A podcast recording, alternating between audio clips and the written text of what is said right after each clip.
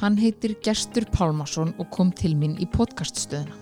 Gestur vinnur við að þjálfa einstaklinga og teimi í þeim tilgangi að auka virkni þeirra og vera betur í stakk búin til þess að taka ákvarðanir.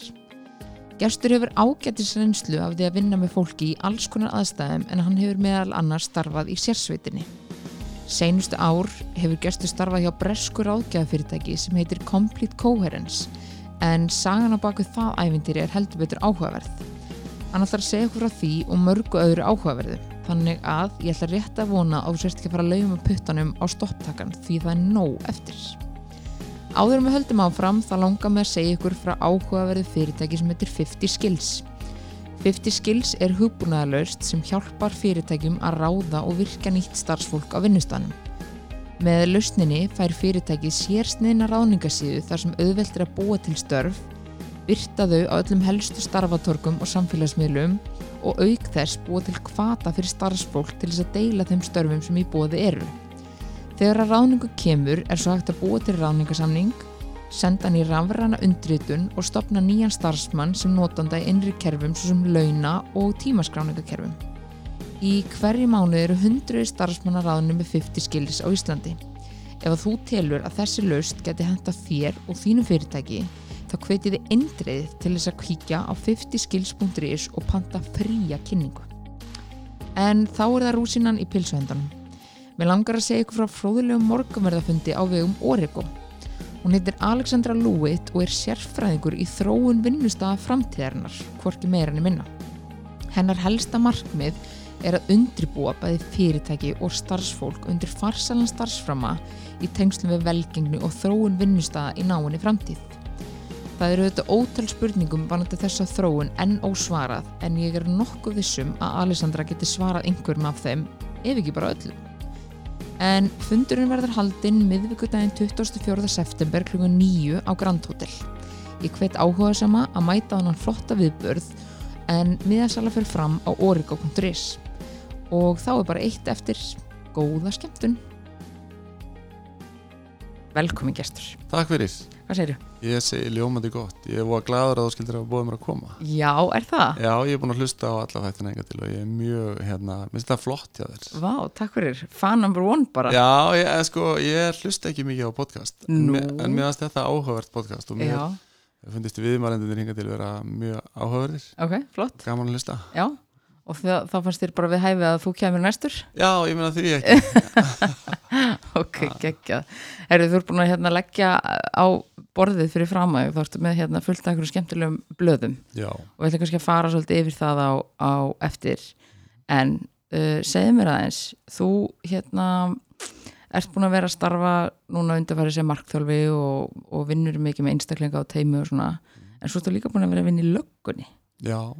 Hvað, hérna, segðu mér aðeins fyrir því ævindiri? Það er svona kannski minn bakgrunnur á fullorins árum ef maður getur sagt eins og ég hérna er búin að vera lögga já, í ykkur 15 ár held ég Ekki nema? ekki nema og hérna ég svona fór ekkert mjög hefðbundna leið bara sem ungu maður og svona lengi að finna hvað ég ætla að gera og veist ég er alveg upp í í svona sveita þorpútalandi og maður fór náttúrulega í fiskinn og svo var ég velstæðilegisumar og svo var ég strandvörður og ég er búin að gera alls konar, alls konar hluti að hérna, en síðan upp úr aldamótunum síðustu þá var ég búin að vera eitthvað í skóla og var að vinna fyrir mig með því að spila tónlist var trommuleikari Ok. og hérna og er enn kannski pínu og ég ákvað það að, að hérna venda svona hvaðið minni kross og, og fór á eitthvað svona lífvara námskeið sem ég gerði bara svona bara fekk eitthvað flug í hausinn Ok, og tappi? já, voða tappi, voða tappi sko. ég, held ég, ég held að eh, grunnurinn að ég hafi nú verið kannski að reyna að finna tappan í sjálfum mér sko. Já, ég ok. var ekki droslega tappi Nei, ok.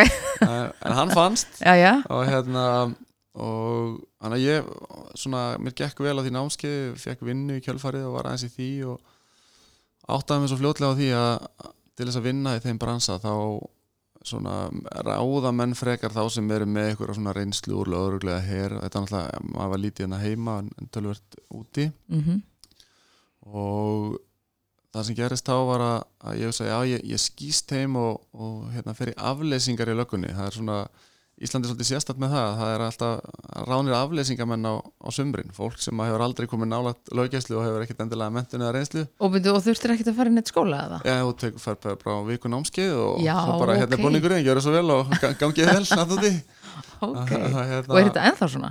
Þetta er ennþá svona. Já, þetta er ennþá svona, það hefur verið það hefur reynst erfitt að manna lögregluna. Já, um, já maður hefur nú heyrt af því. fólki og ég hugsa að það séu það eru nokkra mismunandi skýringar á því en eina af þeim er, er vantalega svo að til þess að ef ætlar að manna lögregluna fagmynduðu fólki þá þyrftur að yfir manna alla vinnustæði ok, já, já, já, já. og, hérna, og það er ekki stemning fyrir því Nei, í, í, í, í, í budgetinu. Nei, þannig að við höfum tekið einn sumarleysingar fólk og margt af því mjög gott. Það sem kannski breyst núna er að, að því að námið komið upp á háskólastiga þá erum við að fá fólk sem er að læra þetta í háskólum sem kemur inn á sumrin. Já, og, hérna, og við höfum ekki ennum tíðan að auðvitað oft fengið að fólk sem er í laganámi já, lögfræðinga, Já, einmitt. Sem hefur reynst okkur vel. Þannig að, hérna, já, ég er svona sótt um þetta fara að vera afleysingamæður í, í lögreglu. Og ég man alltaf eftir því þegar ég fekk búningin og ég horfði sko kvöldi fyrir fyrsta vaktina og fór ég inn og horfði á mig í speklum og sagði Hva, hvað ertu búin að koma í? Og ætlaði, ætlaði svona svolítið að vera kannski bara sumarið en síðan uh, ákvað ég að sækja um í lögregluskólan og komst inn í hann. Og það var upphafið að einhverju svona vegferð fyrir mig þar sem að maður hefur allt í enn ekki litið tilbaka í, í 15 ár sko. Nei, einmitt Maður heyrir oft þessar sögur bara, Já, ég kom þarna nú inn hana, bara yfir sumarið og svo bara einmitt 15 ára setna þá bara, já, herðu, ég er hérna ennþá í löggunni og... Já, maður heyri, sko, maður heyri þetta og ég var einmitt að en sem er kannski bara gott fyrir að heyra þetta um að fólk að myndi endist alveg í löggunni svo náttúrulega líka kannski til eitthvað sem að Já, ég held samt ef maður fer undir hútið sko, þá þarf maður að vera miklu harðar að taka ábyrð á þessu vali sko. Já, já, Að, já. Hérna, þú veist, það er, mér veist alltaf fólk sem er að segja við mann, já, ég er bara þú veist, dattinn eitt sumar og ætla aldrei að vera þetta svo bara ég er búin að vera þetta í 20 ár. Maður svo bara, er, þú veist, er, það, er það svoleiðis og, hérna, og ég get þessum sagt að ég fann mig rosalega vel í starfi fljótt uh, hvað svona heillaði? Fólk. Já. þetta er að vera lögreglumæður í, í mínum huga er svona eins og doktorsnám í mennsku.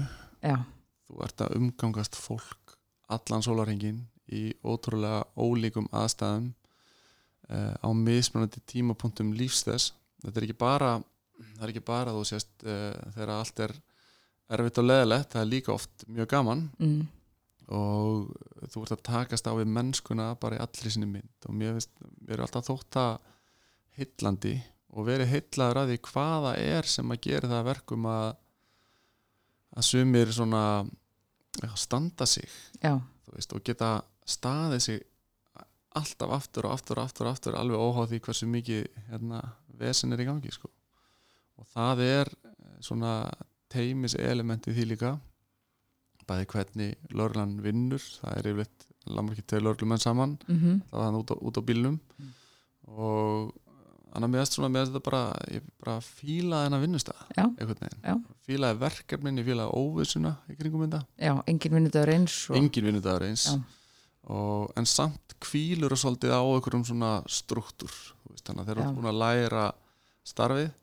Og mér finnst alltaf fyndi ég svona með þá möndur núna þegar ég hitti hérna, mína fyrir kollega að ég held þegar ég kom inn í starfið að ég var í gjörsalega með þetta ég held að bara alveg náttúrulega búið með lífarðarskólan já, já, já, alveg bara var með þetta hægri vinstri sko. Og núna eftir á hyggja myndi ég segja að við tekið svona hátt í tíu ár þá til ég fór að skila alvöru virði. Já, ok. Veist, og það er bara byggt á því að lögreglan er stór vinnustæður eða með margir vinnustæður undir einum hatti. Og þetta er stórt snúið flóki kerfi um margt. Þannig að það var ekki fyrir maður búin að vera svona á nokkrum stöðum. Fá svona starri mynd af hérna að hérna að vinnustæðanum og ferlunum sem þar eru og svona að maður átti að sjá því hvernig maður gæti fyrir að setja saman hluti sem maður skiluðu verið sko. já, einmitt, bara þannig að reynslan í rauninni skilaði sér inn í starfið. Já, já, Já, og þetta er rosalega, ég held svo sem reyndar eins og mörgunum störf en þetta er mjög svona reynslu Veist, að, reyn, að það að draga rétta reynslu af aðtökum þarna já, eh, er rosalega mikilvægt og hjálpar þeim mjög mikið í framhaldinu. Já, og kannski eins og þú segir að hérna, það er svona struktúr en svo veginn að setja struktúrin inn í mismunandi aðstæður Já, hverju sinni og vera kannski allir snöggur að finna út úr því hvað hendar og hvað hendar ekki. Já, algjörlega og starfið er þetta þannig að þú tekur sko ákvarðanir bara á sekundu brotum sem er síðan leigið yfir í marga mánuði í, Já, í, í dómsölum og, og viðar sko, þannig já. að þú þart að, að vera með svona hugrænan struktúr tóldi á hreinu Já. hvað má, hvað má ekki og hvernig og allt þetta og hvernig þú skilar af þér vinninni og svona Mhm. til þess að hérna, geta tekið þessar ákvarðanir svona veitt inn, inn, inn, inn á fiskiflokkaran frá Marel skilur og Já. hérna bara svona, svona, svona já, ok, við gerum þetta svona já, einmitt þannig að það er hérna, það er maður svona, já, lærði, lærði líka bæði að hugsa rætt en vera rólur, er mikið er að gerast og Já, það var bara frábær einsla sko. ok. Og hvaða svona störfum hefur verið? Þú hefur ekki bara verið eh, bara almenni lauruglumæður í, í Nei, öll þessi ár? Ég gerði það kannski svona stittra en gengur gerist. Því að þegar ég kláraði skólan þá var hérna var í fullum gangi stækkun sérsveita ríkislögstura og ég hafði áhuga á því og sótti um og, og fór þannig í, í, að ég held alveg öruglega að ég geti fullirt lengsta og svona snúnasta starfsvital sem að fyrirfinnst á, á Íslandi. Ok, það er svona eh, 10-12 mánuða ferli. Já, og nema? hérna, ekki nema. Og komst þar inn og, og var fyrstu, já, svona já, allir gera svona kringum fimm ári mín e, þar í sérsveitinni. Já, svona lengi. Já, ég var, alveg, var alveg þar í fimm ár. Já. og síðan var ég lánaður þaðan til landingiskjöldunar þar sem ég sýndi starfi ef að kallaði svona aðstóðar sprengjusérfæðingur já, og e, var líka með verkefnistjóri öryggismála Já. landingiskjöldunum tíma, gera úttöttur og svona. Mm, og síðan uh, meðan ég var þar að þá svona þurfti ég að endur uppfinna mig aðeins og, og ég var sem sagt á leiðin í vinnuna. Það var nefnilega þannig að, að hérna, þar kynntist ég í fyrsta skipti svona vinnustafamenningu þar sem að ég og vinnustafamenningin áttum bara ekki saman.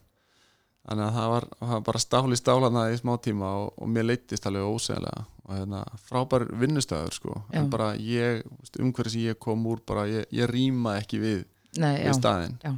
og hérna tók mér smá tíma að fatta það. Já en var það þá bara því að þú varst að koma úr bara mjög svona krefjandi og kannski orkumiklu umhverfi? Já, sem sagt og yfir í ykkur svona kannski meira hefbundið ég hugsa að landlækiskjallan stendur á svona kannski lengri grunni um margt sko. Um, en það er líka bara öðruvísi uh, sagt í, í lauruglunni ertu alltaf ofhlaðin verkefnum með allt og lítið peningum til að sinna þeim. Mm og hérna þú þarf bara að passa rosa vel upp á skiptuna þeina sko því þú fær ekkert aðra ef hún reyfnar sko. Já, og hérna og þú veist og eitt af því sem að já, svona bara átti erut með að venjast var bara veist, hvernig menn unnu með, með virði og ég hafði náttúrulega mjög sterkar skoðanir kom úr umhverfið þar sem að sterkar skoðanir þrifust og menn sögðu svolítið sína meiningu og þú veist, það var tekist já. á og, og hérna yfir í umhverfið þar sem að kannski var ekki eins mikil svona kúltúr fyrir því sko Þannig að ég var bara að háa þess ekkur held ég inn á þessum, þessum vinnustæð sko, og, hérna, og áttaði mig ekki á því sjálfur. Nei, og var kannski líka að hérna, fara fram á mikla breytingar og rætt og eitthvað svona, það var rosalega lærdómsrík reynsla fyrir Já. mig að- fara, þannig fara á þennan stað sko. Og hérna vann mig alveg frábæri liði sko, í frábærum verkefnum og svona. En, en, hérna, en þegar að það voru ekki verkefni þá var maður að takast á um einhverja breytingar. Já, og hérna þannig að þegar ég fór þaðan þá, þá fannst mér ég þurfa svona eitthvað aðeins að endur uppfinna mig þannig að þá fór ég aftur á bara á vaktir í lörlunni Já. hvað varstu lengi hjá ég held að það verið tvö ára sko. já, einmitt og þannig að það hefur nú verið alveg svona ágætispása frá Já, Lögreglunni. já, alg, algjörlega það Já. var svona, að maður fekk svona ymmit nýtt sjónarhorn á, á mjög margt já, hlutir sem að maður hafi kannski tekið sem sjálfsögum hlut reyndust vera hérna uh, ekki sjálfsögum hlutur. Já, og já. hérna og maður fekk svona, já, margt sem maður kunni að meta eftir að maður fór. Mhm. Eða læriði að kunna að meta, þannig að þegar maður kom tilbaka þá voru alls konar hlutir sem að kannski kollegandir sem, uh, tók ekki eftir sem að ég segja þetta er, við hefum gert þetta vel. Já, þetta er, þetta er snjált hjá okkur að gera þetta svona. og kannski líka mitt að þau hafði bara reynsluna úr fyrir starfi og bara séð hvernig hlutinni funkar að bara kannski annar staðar. Já, já, algjörlega. Og, það, og að að sko þetta er skemmtilegu samanbörður því að bæði báðar stofnanir er í löggjæslu mm önnur á hafinu, hinn á landi. Uh, báðar, báðar, báðar vinnustæðar eru ríkistofnanir lúta nokkurn veginn sömu reglum en eru mjög ólíkir um margt. Og það kemur í mínum huga sérstaklega niður á sko bara menningu. Já, ömmit og hérna þannig að ég fór svona aftur uh, back to basics eins og maður segir og fór á, á vaktir bara á Suðunisum hérna upp í flugstöð og var síðan fljótlega komin í að taka eitthvað verkefni þar og var síðan svona síðustu tvö árin áður en að ég hætti hefbundum löggjæslustörum var ég að hérna, setja upp móttökum minnstu fyrir hælisleitindur og svona fyrir já, móttökur hlutan fyrir höndlögruglu og stýriði honum. Og það var líka alveg ótrúlega áhugaverð og, og skemmtileg reynsla. En þegar ég var hann hjá gæslinni þá var ég á leiðinni í og, og, og ég efast ekki um að hlustundu kannast við það hvernig það er að vera í vinnu sem að þeir eru ekkit sérstaklega hrifnir að mm og ég var á leiðinni í vinnuna og, og þá heyrði ég viðtal við Herdísi Pálu markþála á bylgjunni. Og ég veist mér heyrðu, hva, hvað er nú þetta? Þetta er eitthvað, ég, ég geti örglega verið góður þessu. Þannig að það geti verið skemmtilegt. Hérna, þannig að ég fór að googla og þá kom ég ljósa háskólinni Reykjavík var nýkomin á stað með prógram þá um hausti og hérna og ég náði einhvern veginn að tróða mér inn í það. Og það var bara ótrúlega upplifun uh, að læra bæði það fag hvernig það var sett saman kjenslufræðilega, leiðbyrjendur og svona. Og svo var ég með alveg geggjum bekkar sem var með ótrúlega hérna hæfileikaríku og skemmtilegu fólki. Og ég einhvern veginn bara svona fann mig í þessu. Já, uh, það var til þess að prófdómarinn minn í lokaprófunu bauð mér eiginlega að koma að vinna með sér. Já, það er nú ekki slæm meðmæli. Nei, það var rosalega gaman. Já. og það var alveg frábær. Hérna Helga Jóhanna Oddsdóttir sem er núna hjá Strategic Leadership Group held ég að heiti. Já, og hérna bauð mér að koma að vinna á sér í, í fyrirtæki sem var með þar eða, eða þá þeim tíma. Og ég fór þangað í smá tíma og, og meðan ég sérst var í náminu að þá var samnefandi minn uh, Guðrún Snorradóttir sem er líka held ég núna í, í þessum bransa já, og var þá í mannesmálum hjá Reykjavíkuborg hún hérna hún sett inn eitthvað svona TEDx-vídeó inn á nefndasíðu sem við vorum með. Og ég horfði á þetta myndskeið og ekkert var aftur eins. Nei, ok. Ég, ég, ég, sá, ég, horfði á gæðan og sagði þessi maður er bara búinn að búa til mótel og struktúrera allt sem ég er búinn að gera og vita ef ég gert öll þessi ár en einhvern veginn vissi ekki hvað ég var að gera og vissi ekki hvernig ég ætti að gefa það áfram. Já, ömmit og það var þessi hérna, doktor Alan Watkins sem að ég vinn hjá í dag.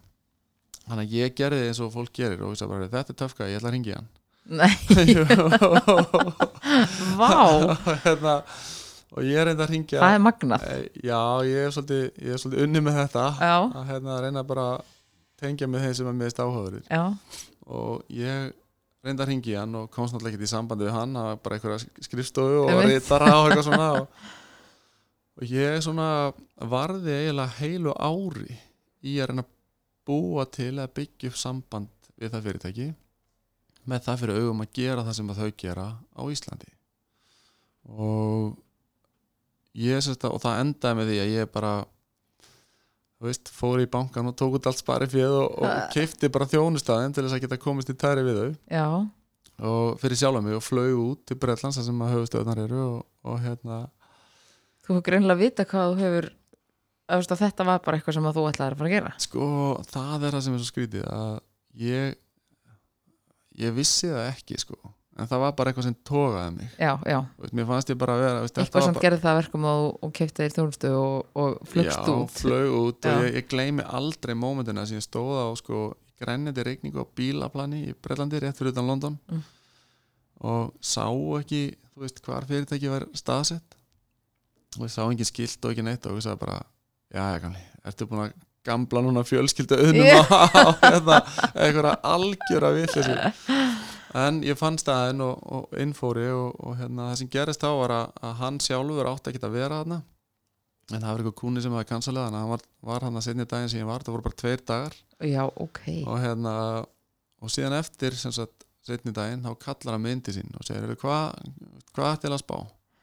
Ég sagði að ég uppalega hugmyndin var að gera það sem þið veist, heima á Íslandi. Og núna þegar ég er komin hingað og sé ég að mér langar bara mjög mikið að gera það sem þið gerir og hérna og, og hann sagði, já, veist, við getum alveg klálega gert það og það er ekkert mál, sko, en, en hérna en við erum bara að fíla þetta alveg vel, er svona næs væp með þér og svona og hérna, hann að, vilt þú ekki bara koma að vinna hjá okkur? Og ég sagði uh, jú. Já, heyrðu, ég er laus. ég, ég er laus. Þannig að ég, þannig að þar svona byrjaði það samstarf sem að núna hefur verið held ég í fimm ár en ég byrjaði svona í þessu sem hlutastarfi og með öðru og, og þeir sem hafa svona þekkingu eða reynslu af því að að hætta í, í örguvinninu og fara í óörguvinnuna þeir, þeir munu tengja við það að það er hérna, ja, fyrir mig var það allavega rosalegt skref sko. Og hérna og ég slæst við það ennþá reglulega sko. Mm. það er alltaf gott að geta einhvern veginn dotti aftur á Já, já, bara að vinna fyrir einhvern annan sko. Já, já, bara öryggið. Já, bara öryggið Já. og hérna bara skiljanlega. Og, og sérstaklega þegar maður er á svona mikromarkaði eins og Íslandi. Uh, en ég sem sagt, byrjaði að vinna með þeim fyrir, fyrir kuna og þeim úti sem eru voða mikið alþjóðleg fyrirtæki sem eru staðsett oft með höfustöðar í, í London en, en með starfstöðar út um allt Ok, en varstu staðsettur samt hérna heima eða varstu Já, að vinna já, mikið? já. Já, ok Það er annað sem að maður lærið, þú veist að, að eitt flugfart til eða frá þykir nú ekki stórt máli í, í, Nei, þess, í þessum heimi sko, ekki, nei. að fólk er búsett, ég, ég er hér, eh, ég á kollega sem er búsettur á Ibiza, Já, ég á ok kollega sem er búsettur í Portugal Já, og hérna og þannig bara virkar þessi heimur, menn svona finna sér búsettu það sem þið fíla sig og svo bara flóið í vinnuna sko. já, einmitt Ok, og hvernig svona hefur þetta þróast? Þú veist, hvaða verkefni hver eru svona fyrstu verkefni sem þú tókst að þér þarna?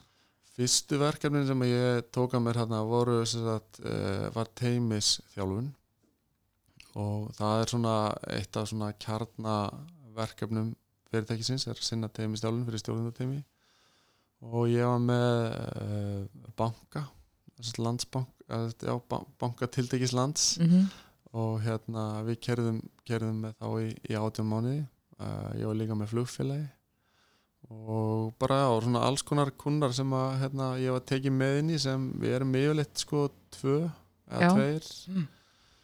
eða tvær uh, þegar við erum með þessi teimi og ég var tekin inn sem svona second tier uh, bæði til þess að læra og, og hérna og til þess að, að svona geta gefið inn í það sem ég get gefið inn í. Einmitt. Og það var bara hérna, rosalega skemmtilega reynsla og gaman að sjá að maður áttast alltaf betur og betur á því að, að það skiptir einhver máli hvað þú ert eða hvað tungumál þú talar eitthvað. Þessi, þessi þessar áskoranir sem að stjórnendur og stjórnendur teimi glíma við eru mjög samanlegar uh, út um allan heim. Já, og að þó ákveðin, hlutir í umhverfi eða, menningu getur verið öðru sig þá, þá eru, eru áskorandar mjög samanlegar. Já, já.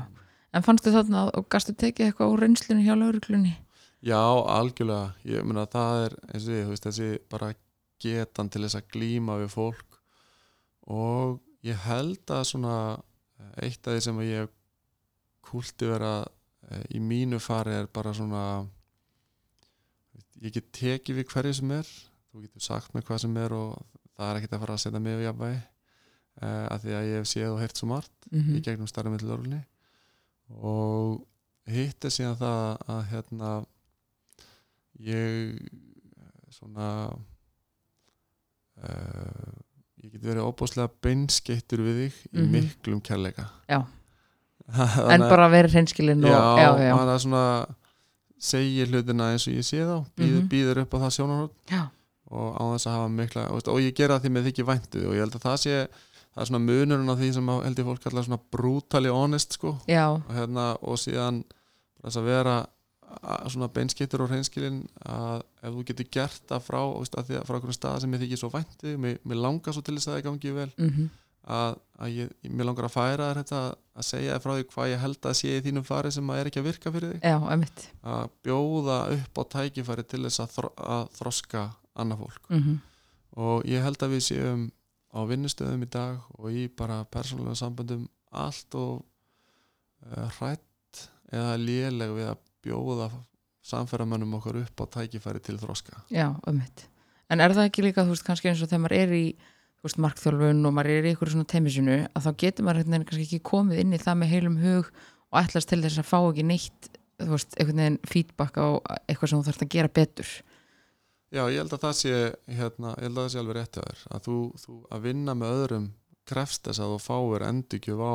Já, en það, hvernig ættir að vita hvað það átt að leggja, þú veist auka effortið, þú ert, ég ert kröftu og hérna, veist, vilt vera með og þú tengir við fyrirtæki og það sem það er að gera. Mm þú veist, þannig að það er öll þessi orka en hvað á ég að leggja hana, Já. veit ekki að það er enginn sem segir mér það? Já, emmitt og þetta er eitthvað sem að ég svona, ef þetta reki mig á í, starfsferði mínu hjá ríkinu að, að kannski fekk maður bara ekki nógu oft sko, bara svona endurgjöf Já, á, hérna, er, þú með mikla orku, hérna, reynum að nota hann í þetta og þetta. Já, já, hérna, ekki þetta sem þú ert að gera núna, það er ekki Nei. gott. Já, já, og hérna þannig já, ég held að endurgjöf sé rosalega stór partur.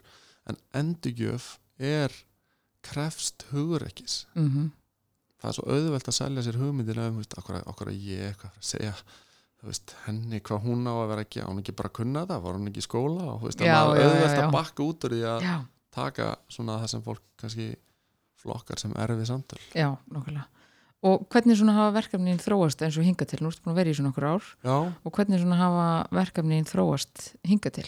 Já, að, að mæti kannski gróflega skipta þessi þrend, stundum er, er, eru allir þrýr þætti saman, stundum er einn aðeim mm það er e- einstaklingsmarkþjálfun eða, eða stjórnenda þjálfun uh, og það er teimistjálfun og það eru síðan greiningar Já. og við erum svona ég man alltaf eftir þegar ég fór út þessa tvo daga þá voru þið að undirbúa eitthvað, eitthvað hérna, event -hmm.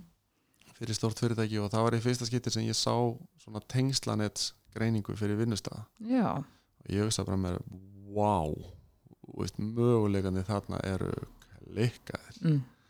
og hérna og það er sagt er svona tól sem að við smíðum sjálf. Við erum með svona, svona hálfgerða greiningadeild í vinnu uh, ótrúlega flotta hérna, stráka sem eru mentar þessu svið, við erum með doktor í tengslanetsgreiningum í vinnu. Og hérna, mér, mér líður eins og ég sé klárar í hvers skiti sem ég tala við þá sko, það er alveg geggjaður.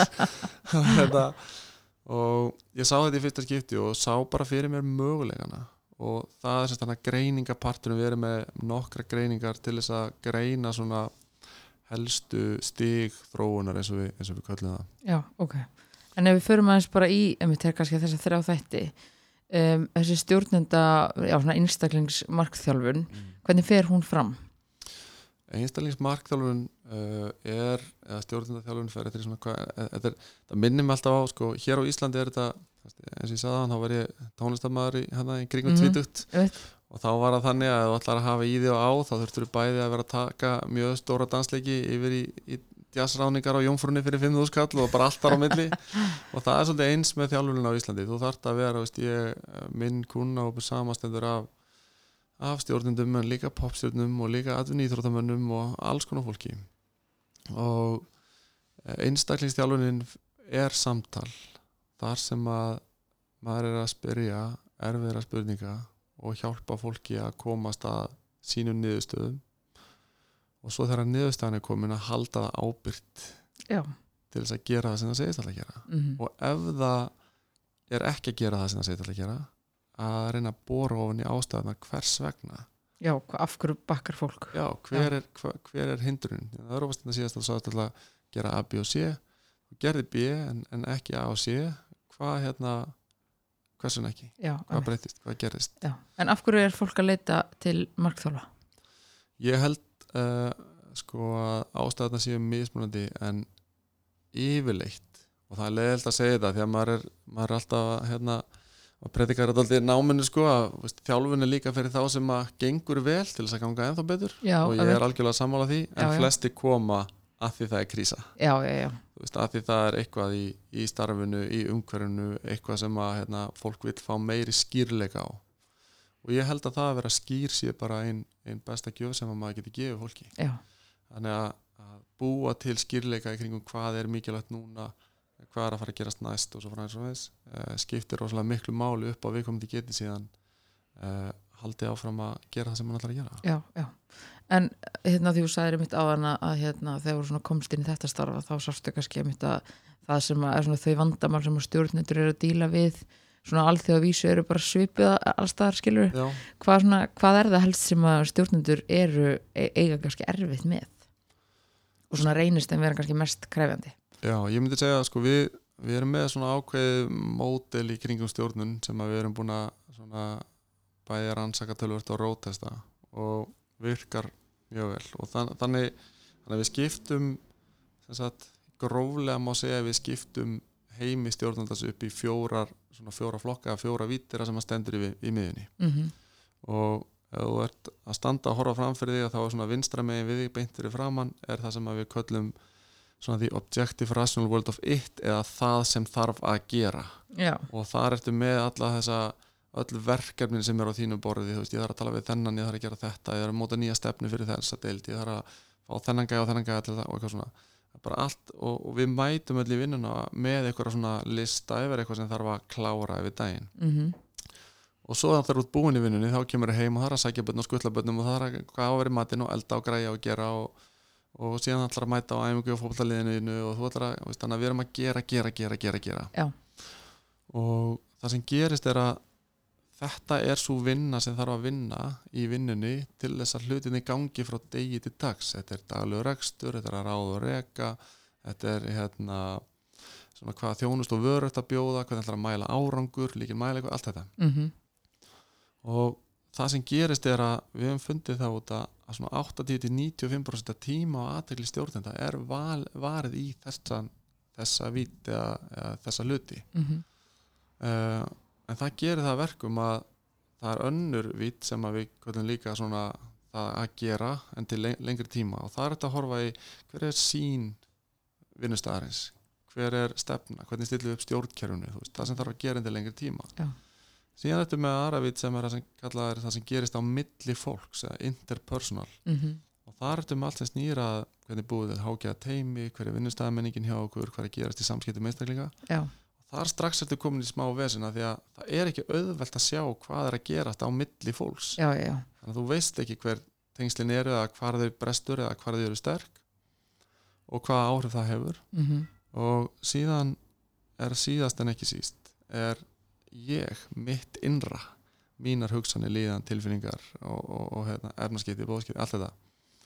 Og stjórnendur veita því bara litla sem enga aðtegli Já. Þannig að ég myndi spyrja þig núna hvað er þér efst í huga, hvað sér þið framöndan þá myndur þú listu fyrir mig fullt af dóti. Og ég myndi flokka það niður í þessa vítir sem ég talaði um að þá væri 90% af því í skamtíma það sem þarf að gera Já, eittinu og meðan að mögulega var eitthvað í kringum samskipti veist, en, en restin er nokkuð með tóm. Að fó- uh, og það sem gerist er að þú til þess að vera leiðtogi á okkamati þá þarftu að, að hafa getu í öllum þessum flokkum. Mhm. þarf að hafa getuna til þess að keira day-to-day business, ég þarf að hafa getuna til að skapa spennandi sín, ég þarf að hafa getuna til þess að eiga við samskipti mín við aðra og mm annar á milli og til þess að stilla sjálfa mig á þannig að ég mæti algjörðan top of the game á hverjum degi. Já, og, en við verjum svo litlum tíma í veist, við keirum bara þegar við draugust að því sem við erum að gera þá bara er það það sem dreigur okkur Já, áfram, verkefni frá verkefni frá verkefni frá verkefni. En er það, þú veist, rétt skilja mér bara beðið við hvernig þú veist að útskýra þetta, er þetta þá svona að um, þú veist, þessi kannski áþreifanlegu hlutir er eitthvað sem að, þú veist, er þetta 80-95% það sem maður er að gera? Og svo Já. er hitt, þú veist, samskiptin, vinnustafamenningin, sínin og eitthvað svona. Þetta eru svona óáþreifanlegu hlutir sem er kannski erfiðar það er nákvæmlega þannig og, það er, og þess vegna verður að því að það nú verið minnst á henni fyrir podcastum á, á kvóti drökker, þú veist. Culture Eats Search for Breakfast að ástæðan er svo að vinnustæða menning og stefna er algjörlega í sitt hvori vittinni það er að stefna er eitthvað sem byrð til og gerir eitthvað hugmynd um hvernig þú sér framtíðan og hvernig þú ætlar að komast ángað Já. Og ef að manneskjurnar sem eru með þér sjá framtíðan ekki á sama hátt eða trú ekki á hvernig þú ætlar að komast ángað þá gerist það ótrúlega lítið. Já, og það er ekki það því að þau vilja vera vondi það er bara því að þau hafa ekki trúna. Já, að þá kannski fara líka svolítið bara eftir einmitt hvernig þú aktar.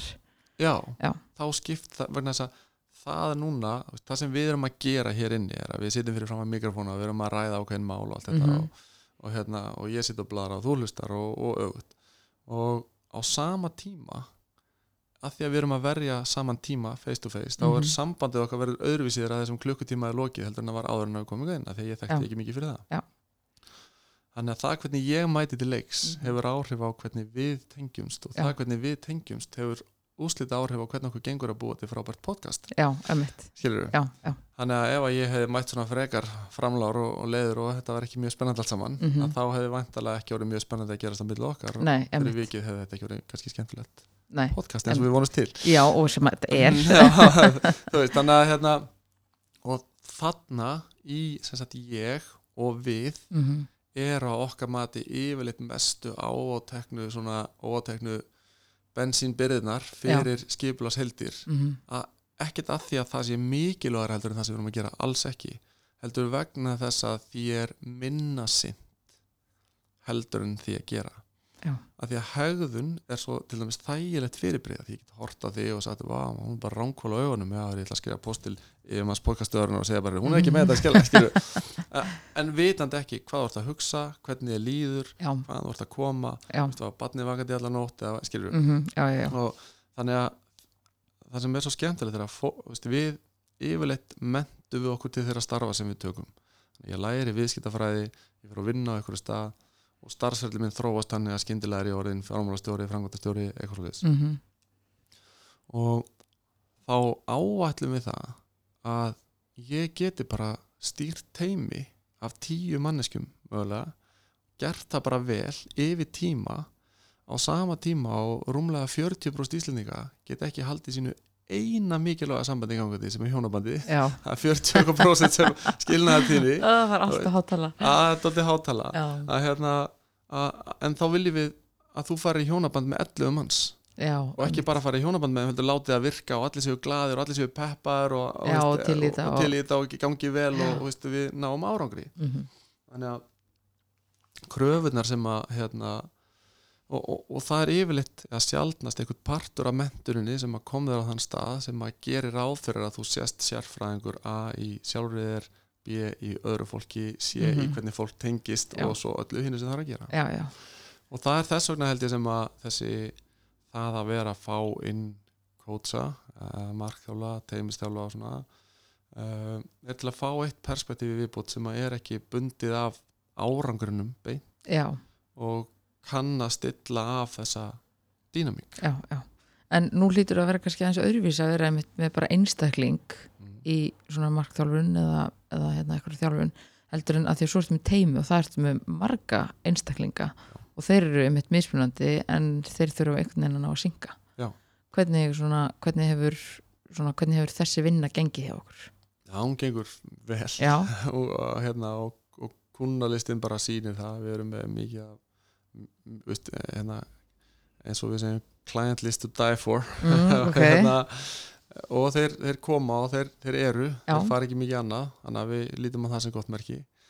En sko þar er náttúrulega snýst þetta um að hafa hugurana ramma til þess að stilla af dýnamíkina á milli einstaklinga. Og við höfum sagt eh, þróa síðan greiningar sem að geta sagt okkur fyrir til um uh, hvar þurfum við að vera til þess að stilla af þennan hóp heldur en, heldur en hérna ef við hefðum ekki þær greiningar? Já, og það er eins í, í mínum huga með í raun og vera allar greiningar hvort, hvort sem þú uh, ætti að tala um styrkleika greiningar eða persónleika greiningar eða eitthvað uh, að, eða þroska greiningar sem að við erum svona daldið þeim megin. Við, við teljum betra að vera með þroska greiningar heldur en heldur en hérna persónleika eða, typologies. Mm og ástæðan er svo að, að hérna uh, það sem að það gerir er að það á það til að verða pínu hækja fyrir fólk. Ég er, þú veist, ESF-jóð í, í hérna, Myers-Briggs. Mm og þú veist, breytist það? Nei, ekki mikið. Já, ok, ég bara er, þú veist, ég er kvatvís ég er svona, ég er hins einn, og ég fara að hengja mig á það. Þannig að það er, þú veist, það er enga líkur og ég fara að breytast mikið. Nei, nákvæmlega, það er bara búið að setja í eitthvað já, það er búið að setja því í eitthvað box. Já, og stundum sem einstaklingar fyrir við þá að halla okkur á þetta box og segja ég er bara svona, ég er bara svo heðalegur þú ert rosa feitt, ég er bara svo heðalegur skilur við hérna, Skil, er- þannig að bóksi segir það. Já, boxi segir það. Já, þannig að hérna, en ef þú hugsa bara tilbaka þú veist, tekur ákvarnir eins í dag og þú gerir þegar þú varst 18 ára þá svara langflestir nei, það er ekki alveg svo þannig að það hefur eitthvað þróast og breyst á leiðinni. Þannig að Mhm. við erum í sífældri þróun. Já, og það er ekki langt síðan að, að vísindamenn sögðu já, heldur að heilin stöðvaði sína þróun upp á 25 ára þá var hann bara full mótaður en það er bara alls ekki þannig, kemur núna daginn. Þannig að við sem manneskjur bæði líf, líffræðilega, lífælisæðilega og, og hérna í því hvernig við hugsum og, og hvernig okkur líður erum í stanslösi þróun. Og það er svo þróun sem að færa okkur á endanum samkefnisforskoti og við þurfum að sinna henni. En ef við segjum bara setjum okkur líma og segjum já ég er svona þá verður engin þróun, þá er stopp. Já, og endanum verða, er það yfirleitt óþægindin við þetta stopp sem að verða til þess að þú þart að fara að þróa þig að því að það er bara, það hvernig þú komst á þennan stað er ekki lengur að virka fyrir því mm -hmm. að komast áfram. En fyrir svo ekki svolítið eftir bara einmitt hvernig fólk svona lítur á þetta þegar einmitt þú farið eitthvað greiningu og þú er kannski mjög góður í A, þú ert ágættur í B og þú getur verið betri í C. Og þú hugsaður ok, þá var ég að epla mig inn í C veist, A er bara í góðum málum en ég þarf kannski líka að gera eitthvað í B til þess að vera mjög góð í því líka. Já, sko, veist, þannig að maður þarf kannski að fer kannski svolítið eftir líka hvernig maður tekur þessu. Fer, fer rosalega mikið eftir nálgun og framsetningu. Já. en ég segi grunnurinn að öllu svona mati er sá að opna réttu spurningarnar. En, en við getum alveg hafið samtala á þess að það sé eitthvað greining til staðar.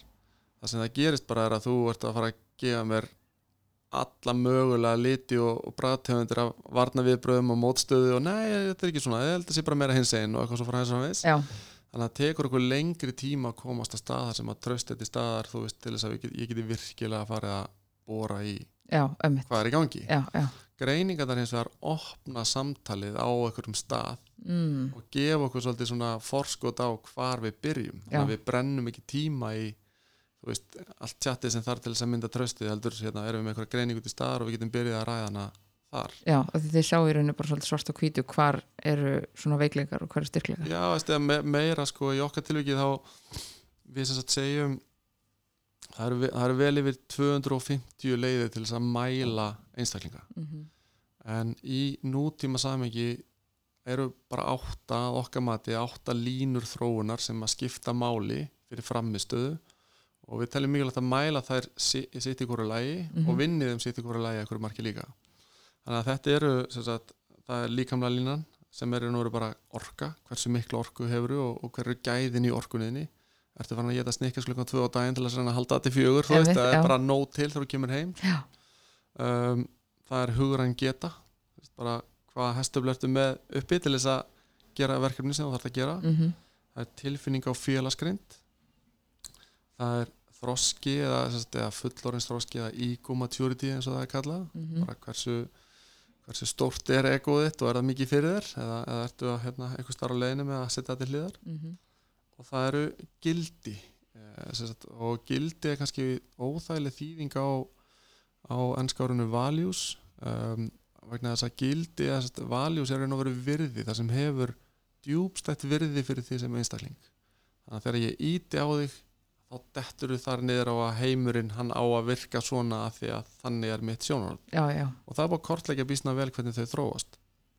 Og en jáfnvel þó við gæfum okkar þú varir alveg bara búin að bótt þróskast í öllum þessum línum þróunar mm -hmm. sem eru það sem maður getur kallað innri línur að þá hefur það svo litla þýðingu á, í nútímanum nema að koma út í hvernig þú hagaðir, hvernig þú tengist öðru fólki og hvað áhrif þú hefur. Já þannig að ég get verið með bestu hugmynd í heimi fyrir minn vinnustaf en ef ég haga mér eins og villningur uh, næ ekki að tengjast hef ekki áhrif skiptar ekki máli. Þá get ég alveg eins og verið einsettum maður í helli sem, bara, sem að þekki bara alla sannleikar um lífi en get ekki komin frá mér. Mm -hmm.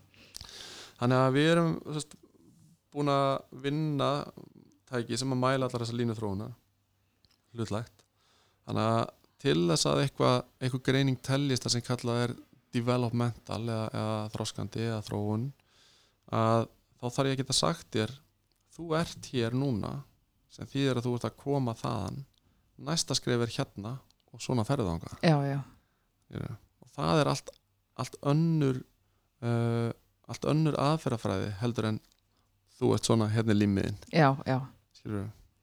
Breytist þig eitthvað? Nei, ekki mikið, þetta er eiginlega bara svona. Já, en hvernig er það, úrst, að því að Um, nú að mitt, þú veist, þið komið kannski inn með greiningar fyrir ykkur teimi og þú veist, þar eru hverju einn einstaklingur búin að fá okkur svona greiningu á því hvað eru styrklingar og veglingar og eitthvað svona, en svo er mitt svona, þegar maður fer bara aftur í vinnuna og það kom upp ykkur aðstæður og maður bregst eitthvað en öðruvísi við heldur en kannski greiningin segir tilum mm -hmm. Þú veist, hafið þið verið að lendi ykkur svona þar sem þið þurfið að því að maður já, einhvern veginn já, já, að því að maður svona, eins og til dæmis, eh, maður hefur tekið svona persónleika próf Já. Og maður fær bara eitthvað spurningu og maður getur bara valið eitthvað x og maður er bara, ha, nei, ég ger þetta nú ekki, samt svona, jú, ég hef nú reyndar gert nei, nei, nei, það er svo skrítið ef ég ger þetta. Einmitt. þannig að þú veist, oft einhvern veginn svona heldur maður að maður sé einhvern veginn en svo er maður bara allt öðruvísi og maður kannski fattar það ekki alveg. Já, þú getur og gildiðin geta breyst já, í bílferðinni frá vinnustaðanum inn á heimili frá heimilin og ömmit þannig að þau eru þau breytast yfir tíma uh, og eftir aðstæðum. Mm þannig að þú ert svona tildulega kúltjör og flott manneskja en ef ég myndi henda þar út í surtsegi tvær vikur þá tækja það bara veist, viku áður nú verið farin að drepa þetta matar sko. Veist, að þá er allt farið öll, öll félagslega samskipti farin að borga og bí sko. Já, þannig að, það eru yfirleitt ytri aðstæður sem að breyta þessu. Mm og það er þannig að, að mörg okkar og öll basically berum við eitthvað skugga með okkur. Við höldum að við séum eitthvað neginn en svo kannski er það ekki alveg eins og við höldum já, og styrkleikar margra geta síðan orðið skuggahliðin á þeim ef Mhm. þeir fara all in á það og svo framvegis. Ömmit þannig að já, ég meina við, ég meina maður bara lendir í þessu sjálfur að halda maður sé einhvern veginn og, og svo farið eitthvað viðbrað sem þú áttir ekki vona á. Hvað er þetta að gerast og hérna, hva, hvað er ég að gera og já, já, skilur, þannig að þetta byrjar samtalið. Mm það er það sem að í mínum huga svona grunnurinn að því sem greiningar gera er bara að byrja samtalið á einhverjum stað Já. sem að skila virði fyrir konan. Já, af ömmit því að hann er komin vegna þess að það er eitthvað það er sem eitthvað trublar já, ömmit, og þá er fyrst náttúrulega að finna út í hvað það er sem trublar og þegar búið að finna það út og þú sér það í augunum og fólki þegar það fattar oh shit, mm bara þarna er þetta. Að þá er komið að sko næsta fasa sem er veist, hef ég hugur ekki til þess að fara að gera öðru já, og mín reynsla er svo að það sem gerist þá er að þú lendir í sömu aðstæðum og þú gerir nákvæmlega eins og þú hefur alltaf gert. Já, og svo lendir aftur í þeim og gerir nákvæmlega sem þú hefur alltaf gert. Mm svo lendir í mér þriða skipti þá eru meðvitinn um heru, þetta er að gerast. Þetta er að gerast. Og þetta er að gerast ó, ég mista það ekki fyrir en ég gerir nákvæmlega sem ég hef alltaf gert. Já, já, já. og síðan á einhverjum tíðanbúti þá færðu valið. Þannig að þetta er að gerast ég fatt að þetta er að gerast ég fatt að ég er með þrjá möguleika og ég ætla að velja möguleikan sem ég hef aldrei valið áður og aðtöða hvað gerist. Og þú gerir það og þú gerir það nokkur sinnum og það gefst vel. Og síðan allt í einu uppgötur að hörðu þetta gerist í síðasta mánuði og, og ég bara gerði allt öðru sig og tók einu sinni eftir því. Já, þá er það orðið samþættur partur að þér. Já. og það er rosalega mikilvægt atriði að flest erum við nógu klár til að skilja alla þessa hluti. Ég Mhm. setja á einhverja greiningu, þú skilur hana. Ég setja á því hvað er sem fyrirtæki þarf að gera að stefna og þú skilur það, ekkert mál. Já. skilur það hérna upp í hausnum. Mm en, en eins og mikið átrúnarkoð mitt eh, Brenny Brown, nýjasta átrúnarkoð mitt segir sko að leiðin frá höfðinu nýri hjarta liggur í gegnum hendunar -hmm.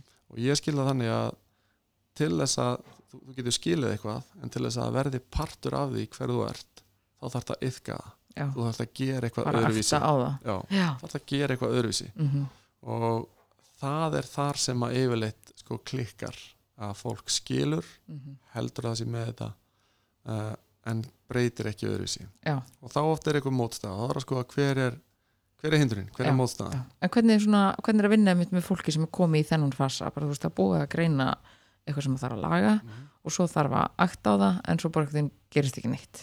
Það er þólumæðisvinna já. Mjög einfalt Já, það er þólumæðisvinna og ekki, ekki fyrir mig endilega, heldur fyrir viðkomandi. Já, því að þetta snýst ekkit um mig. Þetta snýst ekkit um uh, hvaða markþjálfa þú ert með og það er, maður segir alltaf við liðið sko, þetta er, þetta er ekki svo að deyta sko, það má dömpa og það er no hard feelings já, veist, að hérna en uh, og það er líka algengum miskilningu þegar maður er með teimin, þú byrjar að vinna með teimi og við stillum teimisynunni þannig upp að að hérna uh, við erum að hitta stjórnundateimi helst tvo daga á ársfjórungi yfir átjumann á tímabil það er fjárfesting í, tíma sem þarf að vera til þess að fá fram ykkur raunulega breytingar. Eða einn dag á sex vikna fresti eða starfseminni þannig. Og það sem við sjáum í, í því er að það er algengt í byrjun að fólk komi og segi ja, dansaði bit, dansaði við Já. keftum þetta program, gerði eitthvað. Já, já, Skilurðu? já. Og þannig að maður þarf alltaf að fara svolítið í gegnum að útskýra sko, það sem við gerum hér er að búa til vettvang til þess að geta átt samtölu um hluti sem skipta máli. Um, ég miðla þekkingu og reynslu inn í það samtal og held utan um það. Mm. en hinn hin raun, hittið raunverulega virði er skapað á milli þess sem við hittumst. Já, virðið er skapað þegar þið farið út og gerið það sem þið segist að gera. Mhm, og fáið breyta niðurstöðu. Þar er Skilurðu, að því að gegnum sneitt þá tekur fólk hennar tíma ekki frá Nei, á er þess að fá er- external til þess að vinna með sér. Já, ömmit af því þetta er, þetta er svolítið langur tími og maður, kannski er maður bara vanur í hérna heima að bara það er allt svo mikið að gera og nei, það er ekki tími fyrir þetta og eitthvað svona. Já. en kannski ef maður ætlar að fara út í eitthvað svona þá verður maður alltaf bara fjárfyrst svolítið í tímanum. Það er margir sem hafa lesið hérna Outliers eftir Malcolm Gladwell sem að setti fram þessa 10.000 tíma. Það er 10.000 tíma til þess að vera góður í einhverju. Og það sem við erum að byggja um eru þú veist undir 100 tímar á ári sko. Já, já, til þess að vera frábær í teimisvinnu, í stjórnum það er ekki mikil tími. Nei, en við höfum fundið leiði til þess að þjappa þið niður á þó þann tíma. Já. Og þurfur ekki að verja 10.000 klukkutími með það mhm, en þannig að þetta er alltaf spurning hvaða samengið þú setur upp. Já, og, og maður er líka veist, það er oft að tala um verð á svona þjónustu að verktakarnir séu dýrir eða hvernig sem það er. Mhm, en ef við gefum okkur það þú sést að velta 500 miljónum Mm. og þú ert með vannvirt teimi sem að stýrir félaginu. Og bara það að, að stilla af teimi getur farið með úr 5 í 600 miljónar krónar veltu eða hagnað úr hérna, 50 í 70 hver er þá fjárfestingin að setja inn fjórar já, ömmit og það er það sem að hérna, eh, þegar þú setur hlutina í samingi og það er nefnilega þannig að að einn stjórnandi eða ein, ein, einhver með áhrif á vinnustænum getur haft ótrúlega skemmandi áhrif á framistuðu félags. Já. og ég vil aðeins að vita af því og ég fekk alveg frábara ég var hérna var að vinna með teimi hérna um daginn. Það er fyrirtækja sem ég er að vinna bæði með yfirstjórn eða framkvæmtastjórn og svo millistjórnum og ég voru næst í að gera langarsögu stutta í smá vinnum með sko spyrja millistjórnuna hvað er það sem þið þurfið frá yfirstjórn fyrirtækisins til að geta gengið vel? Og ef þið fáið það, hvað eru til að gefa í staðinn? Mm, að hérna að það var eitthvað svona smá disconnect á milli. Og það og eitt af aðrænum sem kom upp var eh, afsal á smákongaveldi og ég sagði þetta er spennandi. Býta nú við, býta nú við, býta nú við. Hvað þýðir þetta, afsal á smákongaveldi því að ef þú ert íslendingur þá er eitt talað um smákonga og smákongaveldi og Íslands er svo mikið smákonga en maður er aldrei fengið einhvern almennlega skýringu. Ég spurði þau, hvað er þetta? Og þá var einn sem að setti fram þessa frábæru skýringu á mínum mati sem var þessi, jú sjáðu til. Í gegnum starfsferðin hafa manni verið falin mögulega einhver verkefni til þess að bera ábyrð á. Síðan verða skipularsbreytingar þar sem á að taka af þér eitthvað verkefni og setja það eitthvað annað og þú ert ekkert endilega á því að verkefninu sé betur fyrir komið þar. Og nú þá kannski þú veist, ert ekkert sérstaklega viljur til þess að sleppa tökunum af því verkefni. Það er smákonga hátur eða smákonga hérna, já. Og mér fannst þetta svo frábær skýring vegna þess að það sem hún felur í sér er að viðkomandi er að gera að sitt besta. Hann er að gera það sem hann heldur að sé best fyrir vinnustæðin en er í raun og veru að vinna hóti já, skilur Já. en í góðri trú. Mhm, um, þannig að að fá fram skýringun á þessu hvað þetta er skiptir rosalega miklu máli til þess að geta unni með það. Þannig að hann var viðkomandi með nægilega mikla sjálfsvitun til þess að átta sig á að, að hann eða hún gerir þetta. Já, að hann eða hún veit af því en heldur bara út frá sínum gildum, skoðunum, hugsunum, viðmiðum, reynslu að svona sé þessu best verið komið. Já, og það skapar spennu í starfseminni. Einmitt. Og fattar kannski ekki að einmitt verkefnin er kannski bara betur synd annar staðar og er kannski bara góður í ykkur öðru. Já, já, það getur verið alls konar, alls konar hlutir veist, en það sem við gerum ef, er ef að við erum með sjálfið okkar of mikið inn í aðstæðum er að við náum ekki að aðgreina okkur sjálf frá verkefninu þannig að þú tókst þetta verkefna mér ergo ég er lélur það er mín niðurstaða. Já, já, en þannig að við erum ekki að lifta þessu upp sem eins og við talum um það sem bara spennu í kerfinu. Það er okkur spenna í kerfinu. Það er hérna eitthvað hluti sem er að detta á milli að það er eitthvað sem er ekki lægi og við erum að taka upp þessa spennu ræðan að fá öll sjónurinn á hana samþætt einhverja niðurstöðu og keira hann áfram. Og, og hérna en í staðin er þetta bara þetta er unnar vandamál já, af hverju þarf ég að leysa hennar skilurðu. og það er eiginlega grunnurinn í fyrstu skrefin í teimisvirkni svona nýju þrep af teimisvirkni fyrsta þrepið er bara hópur sem er í sama postnúmeri að því að eitthvað skipulega eða eitthvað sagði það, er nú engin teimisvirkni Nei. og kannski grunninn er eh, mætti útskjara teimisvirkni sem svo að þú ert með fimm einstaklinga og þú farð vinnu frá þeim eins og séu fimm þá er það bara hópur af fólki að vinna saman. Ef þú ert með fimm einstaklinga þú farð vinnu frá þeim eins og þeir séu þrýr þá ertu með vannvirkan hóp eða vannvirkt teimi ef þú ert með fimm einstaklinga og þú ert að fá vinnu eins og þessi tíu þá ertu með alveg teimisvirkni já, já, þú ert að fá eitthvað sem er stærri en suma partanan í sinni einföldustu mynd. Þannig að fyrstu þrjú þrepp teimisvirkni eru í raun og veru það er tópur sem er bara saman af einhverjum ástæðum fjárhalslegum, skiplaslegum einhverju. Mhm, um, í örlægi uh, þegar þú ert komin upp á stig 2 þá er það það sem við köllum sérfræðingar að slást. Það ertu með markastjóran, viðskiptastjóran sölustjóran, mannustjóran fjármálastjóran og frangandstjóran og allir hafa rétt fyrir sér og allir er, veist, hérna, nei svona, nei svona, nei svona. Og þar ertu yfirleitt með einhverja virkni, það er rosalega mikil rá orka oft í svona en það er do or die, win or lose, svart og hvít. Að einn daginn vinn ég fjármálastjórin, næsta daginn vinnur mannustjórin þriða daginn vinnur markastjórin já, já. Allir einhvern veginn að venda sitt svæði og engin til að gefa af. Já, þannig að ókostunir eða kostunir er að þú getur fengið massíf orku og menn eru til í átöku og veist, koma fram með ólík sjónum með allt þetta. Ókostunir eru yfirleitt að þú getur þá feita í svona fund eftir fund og það er mikið svona political maneuvering veist, ef ekki bara gera þetta svona einur og hérna, já, já, já, eh, komið þeim hérna á óvart. Þannig að uh, ákvarðanir eru nú verið teknar ekki samkvæmt kerfinu, heldur samkvæmt kerfinu og baku kerfi uh, síðan þegar þú ert komin á, á svona þriðja stig þá er það sem kallað er sem sagt háðir sérfræðingar. Þá ertu með einhvern pappa eh, einhvern framkvæmtastjóra sem að getur tekið sjóna með samansagt svona gerum við þetta. Það er einhvern dómari sem að sker úr. Já, eitthvað sem er með, meiri ábyrð Já, já, eitthvað sem er meira ábyrð og ákvarð nei, það er svona en ekki svona, svona en ekki svona. Tekur þessar ákvarðanir og þá færðu fram oft bísna góða virkni en það sem gerist er að þegar kötturinn fyrir að heiman það fara að mísnara stað aftur. Og þá detta þessi teimi niður um level og fara aftur að slást um hver á að ráða. Þannig að leiða pappi fyrir frí að þá fer bara alltaf stað. Já, já, þannig að teimið er háð þessum eina til þess að virka.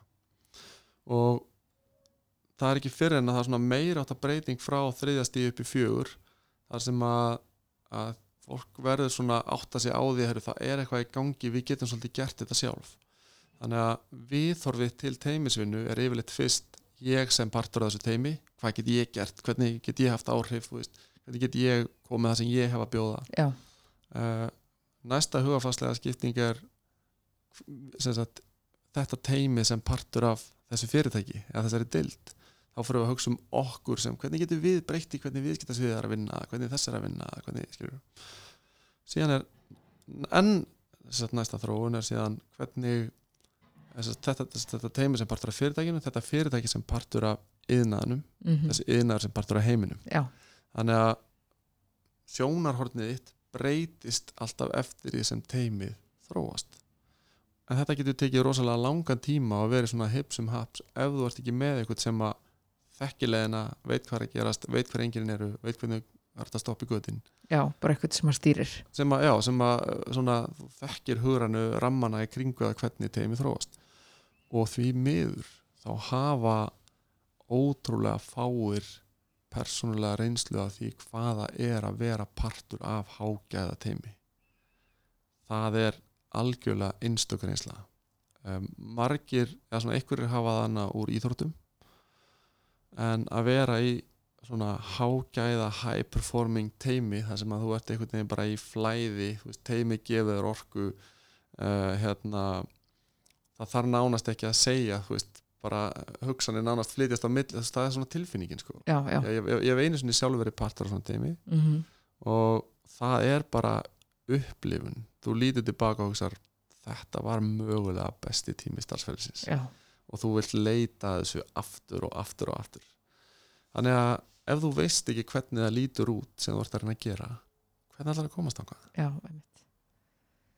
En þú veist, að því að einmitt þú komst svona inn á áðan að um, þú veist að vinna þetta með hóp til þess að milli stjórnundum og framkvæmta stjórnundum svona og svo eru að tala um hérna pappan og, og mísnar.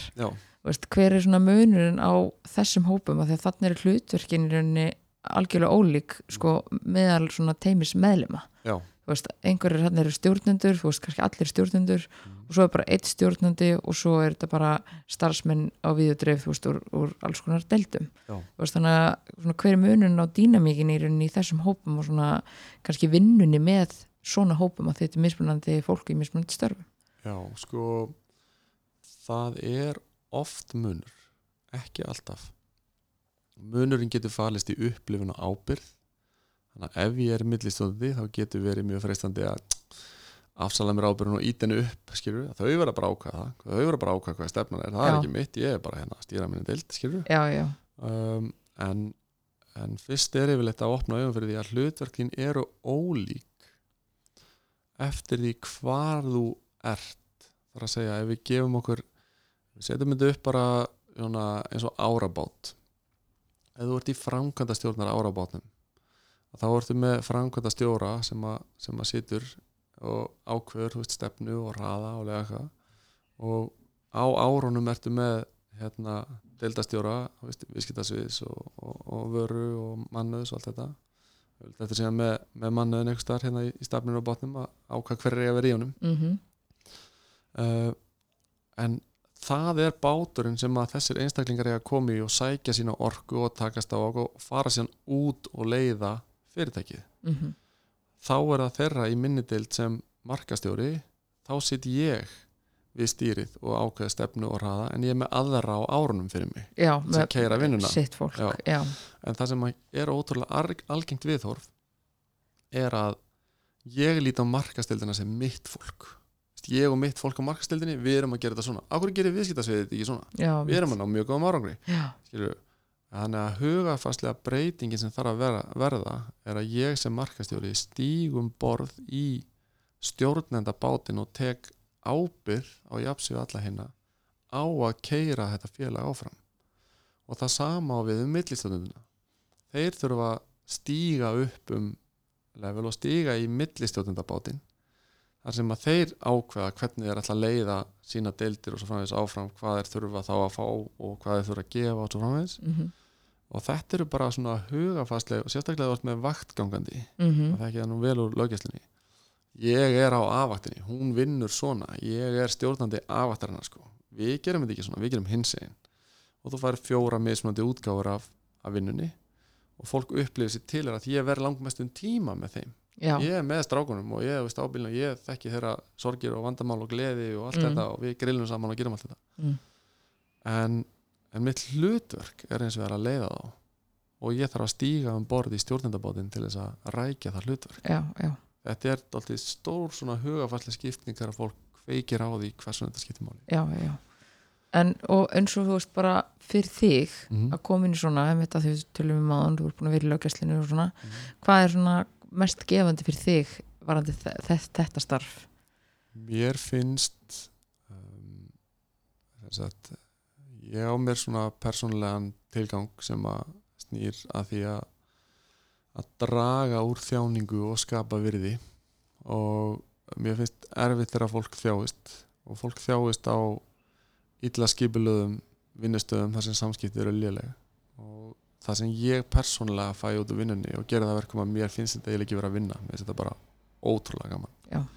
Um, er þegar að maður svona sér allt í einu þegar að ljósi kviknar í andlutinu á fólki og það breytir og það fer að gera öðru sí og það nær meiri árangri með sitt. Mm Þú veist, það er bara það eru, eru töfrarnir fyrir mig. Já, já, og s- þú sér þetta oft vantarlega? já, auðvitað vildi ég sjá þetta miklu oftar Já, já, en, en hérna já, maður er þetta, veist, ég sjálfur er líka alltaf að reyna að brína mína emmitt og maður lærir helling á leiðinni Já. þarf að draga réttan lærdóm og hann að já, ma- manni finnst maður alltaf vera að sjá þetta oftar og oftar en ég veist en það langt í land og maður er fullt eftir að, að læra sko. Já, nokkulega. En hvað kemur þá svona upp sem kannski mest krefjandi?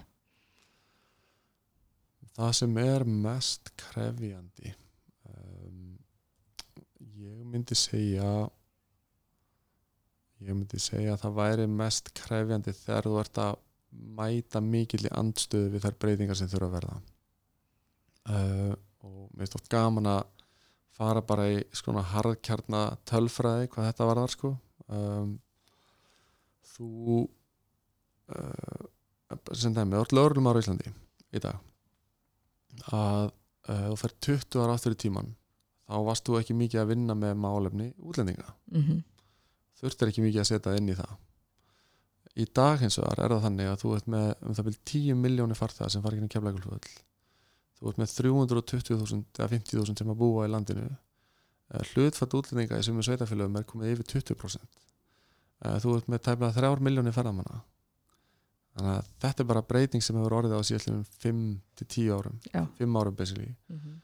og ef þú ætlar ekki að stíga inn í hvað þær breytingar hafa í förum með sér það er bara líkur á því að hvert einasta verkefni sem þú farir í sé erlendur ríkisborgari uh, vittni, brotamaður brotaþóli, Já, eitthvað ef þú ætlar ekki að vinna með það þá ertu bara að snúa blinda augun á rosalega stórum parti af vinnunni eins og hún er í dag. Mm og það sem er að gerast og sérst, grunnurinn að öllum þessum breytingum sem við erum að eiga við í dag er sá að aðgengja upplýsingum hefur margfaldast. Þannig að þú skoðar aldamóti 1900 þá er öll þekking í heiminum að tvöfaldast á 100 ára fresti. Í dag er þetta að gerast á 13 mánuða fresti og spár segja til um að þetta muni gerast á 12 klukkustunda fresti fyrir 2045 þannig að þegar þú vaknar og borðað morgumatriðin og kemur svo aftur heim og bara kvöldmatt þá veit mannkinn helmingi meira heldur en varst að bora hafagriðin í morgun. Já. og þessi vitneskja hefur í för með sér gríðarlega mikið flækjustig og ástæðan er svo að þegar ég veit eitthvað þá get ég ekki lengur hort framhjá því við ákvarðandum. Þannig að eini fastinn er breytingar. Þannig að sagt, virði mitt á vinnumarkaði og framtíð mín veldur í mínum huga 100% á getu minni til þess að eiga að breyta sjálfu mér til þess að breyta umhverfinu. En hvernig finnst þið fólk taka bara í einmitt svona breytingar? Það- Einmitt, maður er, heyrir ennþá á því að fólk er bara ekki til í breytingar og finnst því bara alltaf mikið um breytingar og einhvern veginn bara ekki til í það sko.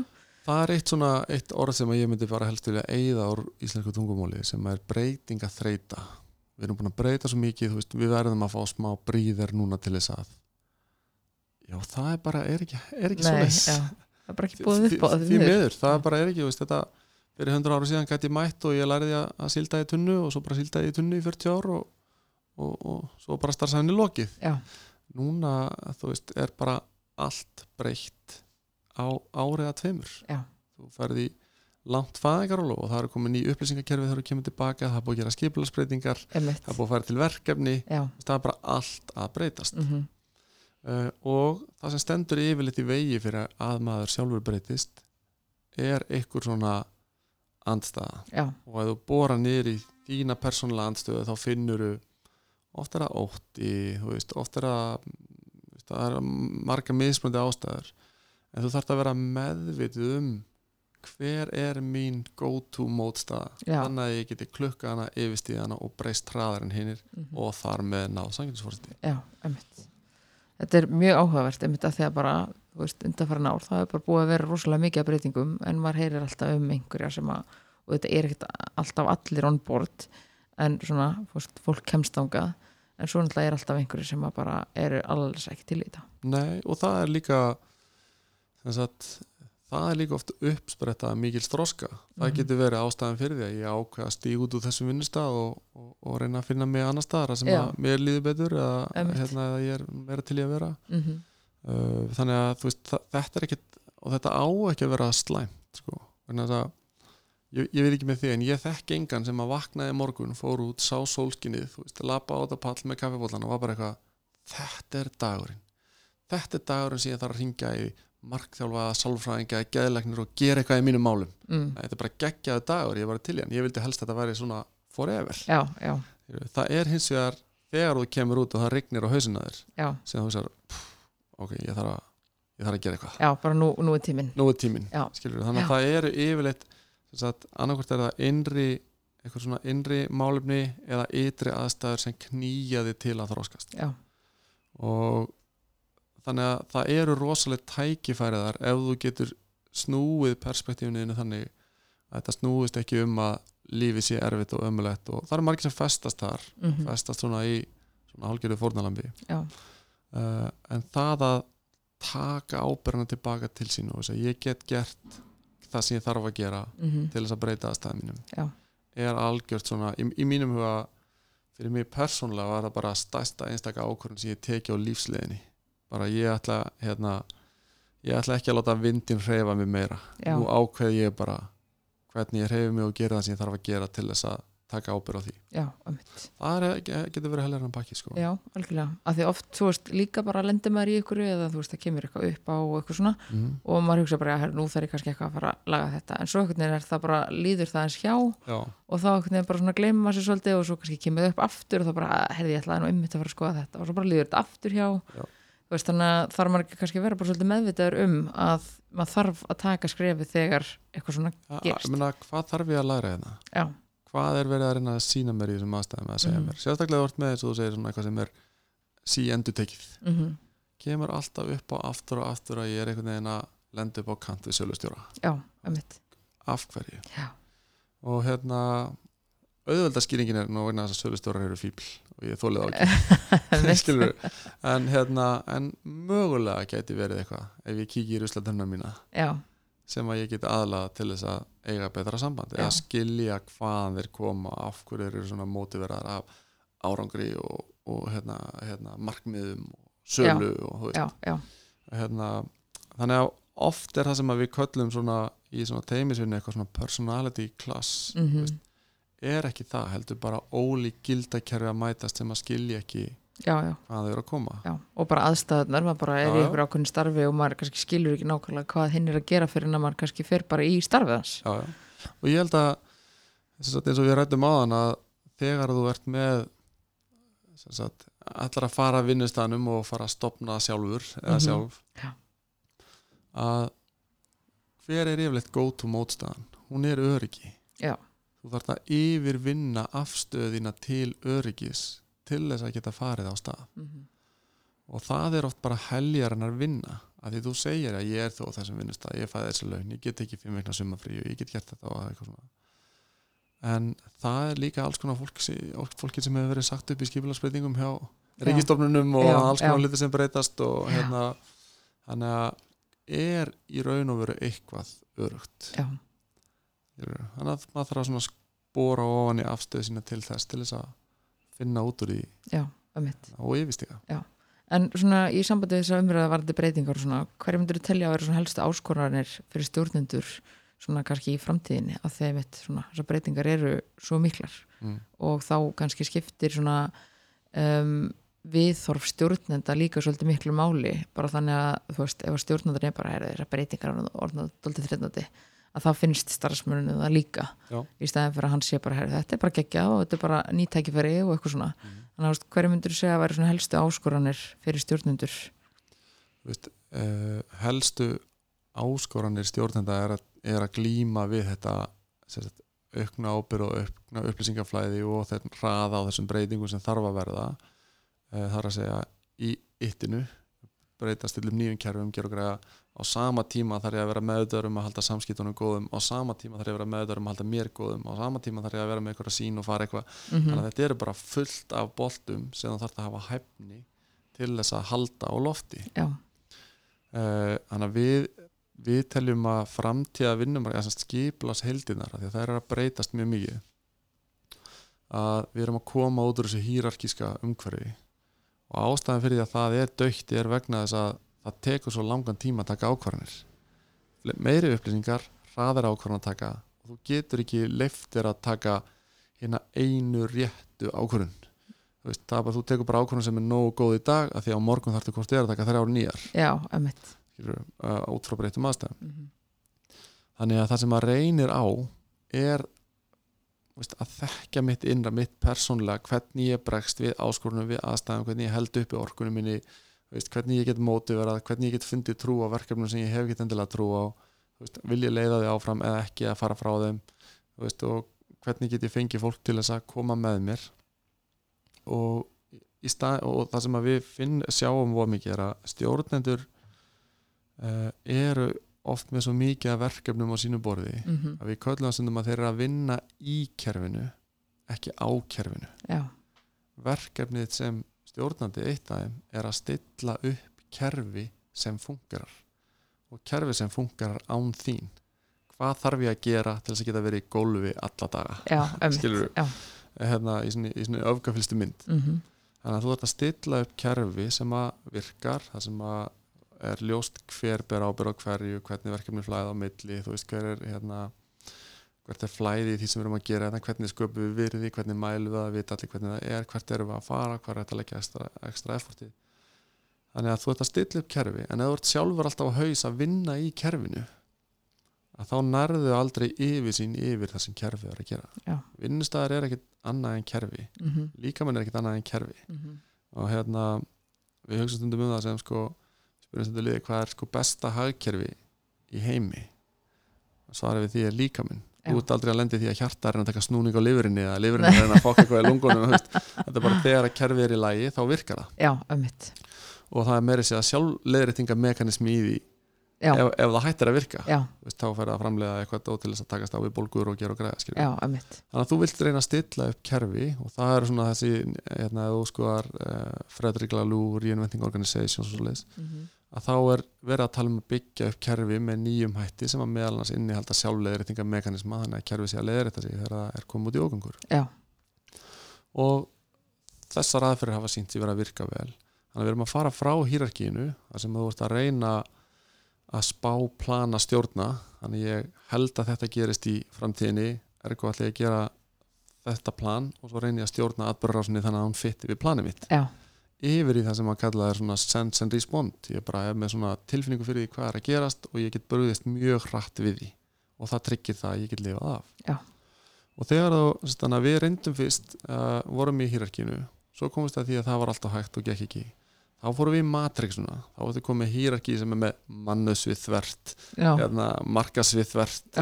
IT þvert og sem að hjálpa okkur aðeins en það sem gerði það var að vera að flækja og hann sagði, þú veist, byrju, hver er yfirmaður minn? Er það yfirmaður deildarinnar eða gælan á Já. mannusviðinu eða hvernig á ég að byggja um frí? Ég veit, ég byggja engan um frí já, ég fyrir bara upp hérna, þannig að það var ákveð flækjustíð því já, en ef þú raun og veru spyrð fólk að því hvernig skapar virði á þessum vinnustæða Mhm. þá kemstu að raunum það að við gerum það í tengslanitum þannig að samkvæmt hýrarkiska skipulæginu þá veit ég að ég á að byggja unni um að þessi minn yfirmann um að græja fyrir mig nýja tölvu. Og hún tala við yfirmann IT og yfirmann IT tala við þröst og þröstu kemur nýja tölvu. Já, en ég veit bara ef ég tala við Gunna á þriðjudöfum en ekki þröst þá bara græjar hann kallinn skilur já, já, já, já. Þú veist, þannig að við erum hérna, til þess að gera það sem er rættast til af okkur þá myndum við tengsl við alls konar fólk á vinnustanum sem hjálpar okkur að ganga betur með það sem við erum að gera. Já. þannig að raunvirkni vinnustaða er allt öðruvísi heldur en skipur þetta segir til um. Þess vegna fórum við út í tengslanettskræningar til þess að, að stjórnendur getur, og, og starfsmenn Já. getur fengið að vita hvernig virkar þessi staður í raun og veru. Já. og þegar þú sér það bara hérna á blaði þá verður alltaf öðruvis að taka ákvarðanir meðal annars um breytingar. Og- en þið notið þessar hérna, tengslanetskreiningar í bara vinnun ykkar. Já, já, algjörlega. Og, og það, það er svona, ég myndi segja allavega í augnabygginu svona okkar heitasta produkt kannski að, að hluti til vegna þess að við erum að vinna með uh, fyrirtækjum sem eru með 70.000 starfsmenn í 40 löndum í þremur heimsálfum. Já. Skilurðu, og það er útilokað að halda eitthvað svona yfir sína á það. Já, já, þannig að, að menn nota tengslalskreiningar til að fá slíka yfirsýn og þú getur skoða gögnin, þetta er, þetta er rosalega einfalt að framkoma þetta, gagna sem er auðvitað við erum með yfirleitt, uh, rúmlega 90% svörun. Mm uh, ég meiri þess að einu sinni náði 99% það var einn sem var fjárhörandi Ok. mega, mega perandi fannst mér en gott að vel hefða, maður er aldrei glaðið maður sem velgengur sko, Nei, það alltaf þessi eini. alltaf eini. Hefða að þú getur skoðað á, sérst, á það sem kallar organizational level sérst, á, á hérna, þessi skipulags heild hvernig er hún að virka, deildir saman hópar saman, þú getur farið nýr á teimi teimi versus teimi eða teimi innbyrðis eða þú getur farið nýr á einstakling. Allt út frá sömu einföldu gegnsömmunni þannig að taka stjórnulegar ákvarðanir verður allt öðru vísi Já. þegar þessar upplýsingar líka fyrir. Einmitt. Þannig að í grunninn sko komum við niður á það, þetta eru svona nýju nýju atriði sem að byggja góðan vinnustað, cirka Mhm. þegar að byggja framistöðu mm og að þið verðum að hugsa um það og það, þú ert með það sem kallað er sko virkni netið þá ertu sem sagt beðin um að tilnefna bara úr fellilista eh, nefndu þá sem helst miðla til einn vinnutengdum upplýsingum Mhm. vinnutengdar upplýsingar eru bara upplýsingar sem þú þarf til þess að vinna starfið -hmm. nefndu þá sem þú ert helst í samstarfi við upplýsingar og samstarf Mm og nefndu þá sem geta látið hlutin að gerast hraðar eða tryggt hraðar í framgang Já. eh, sem að kalla agility á ennskunni þannig að ég er náttúrulega bara tilnefni því og þröst hérna sem var þetta í Já, græðinu já. tölvu og eitthvað svona. Já. þetta er það sem kallaði virknineti og hérna sjáum við oft bara bísna fína virkni þannig að Mhm. upplýsingar geta ferðast vel fólk er mikið, já ég er að vinna með þessum, þessum, þessum, síðan ferðið f- það sem kallaði félagsneti og það er eftir með fyrsta lagi orku, nefndu þá sem að gefa þér orku á vinnustanum mm nefndu þá sem þú leita til eftir stuðningi þegar harnar á dalnum og lífið verður erfitt og nefndu þá sem þú treysti fyrir viðkomu skoðunum eða áliti. Já. að það ertu komið með raun og veru orku, stuðning og tröst síðan ertu með það sem kallað er leitóa netið og það ertu með sem sagt, starfsþróun. Nefndu þá sem að stiðið með virkum hætti við að þróið og þroska í starfi á þessum vinnustaf nefndu þá sem að storka hugmyndiðinum og hjálpa að hugsa út fyrir kassan eh, sem er nýskopuna tengt og nefndu þá sem þú leita til eftir leiðsókn í starfi þar út að taka mikilvægur ákvæmur Já. Síðan getum við tekið þessi gögn og rúlla þeim á sko algjörlega bara miljón mismunandi hliðar. Þannig að ef þú ætlar að fara í breytingar viltu vita veist, hverjir hvað deildir hafa- hvar Já, já, hvar það liggur. menna, hver, er, hver er með hæsta trausti er duglastur að deila uppsingum já, einmitt. Og það meikar sens þegar maður hugsa þetta svona. Það er svolítið þannig. Já, uh, og, og það er veist, gott að vita þetta. Já. og þá náttúrulega kemur inn þetta náttúrulega persónuvendasjónum og hvað til, Já, já. hvernig allt þetta. Já, en í raun og veru sem þú, þeir sem þú ert að tilnefna hérna allir nýju ert að tilnefna fyrir jákvæða þætti. Já, þú ert ekki að segja benda á þann sem er mest fyrir þér í vinnunni.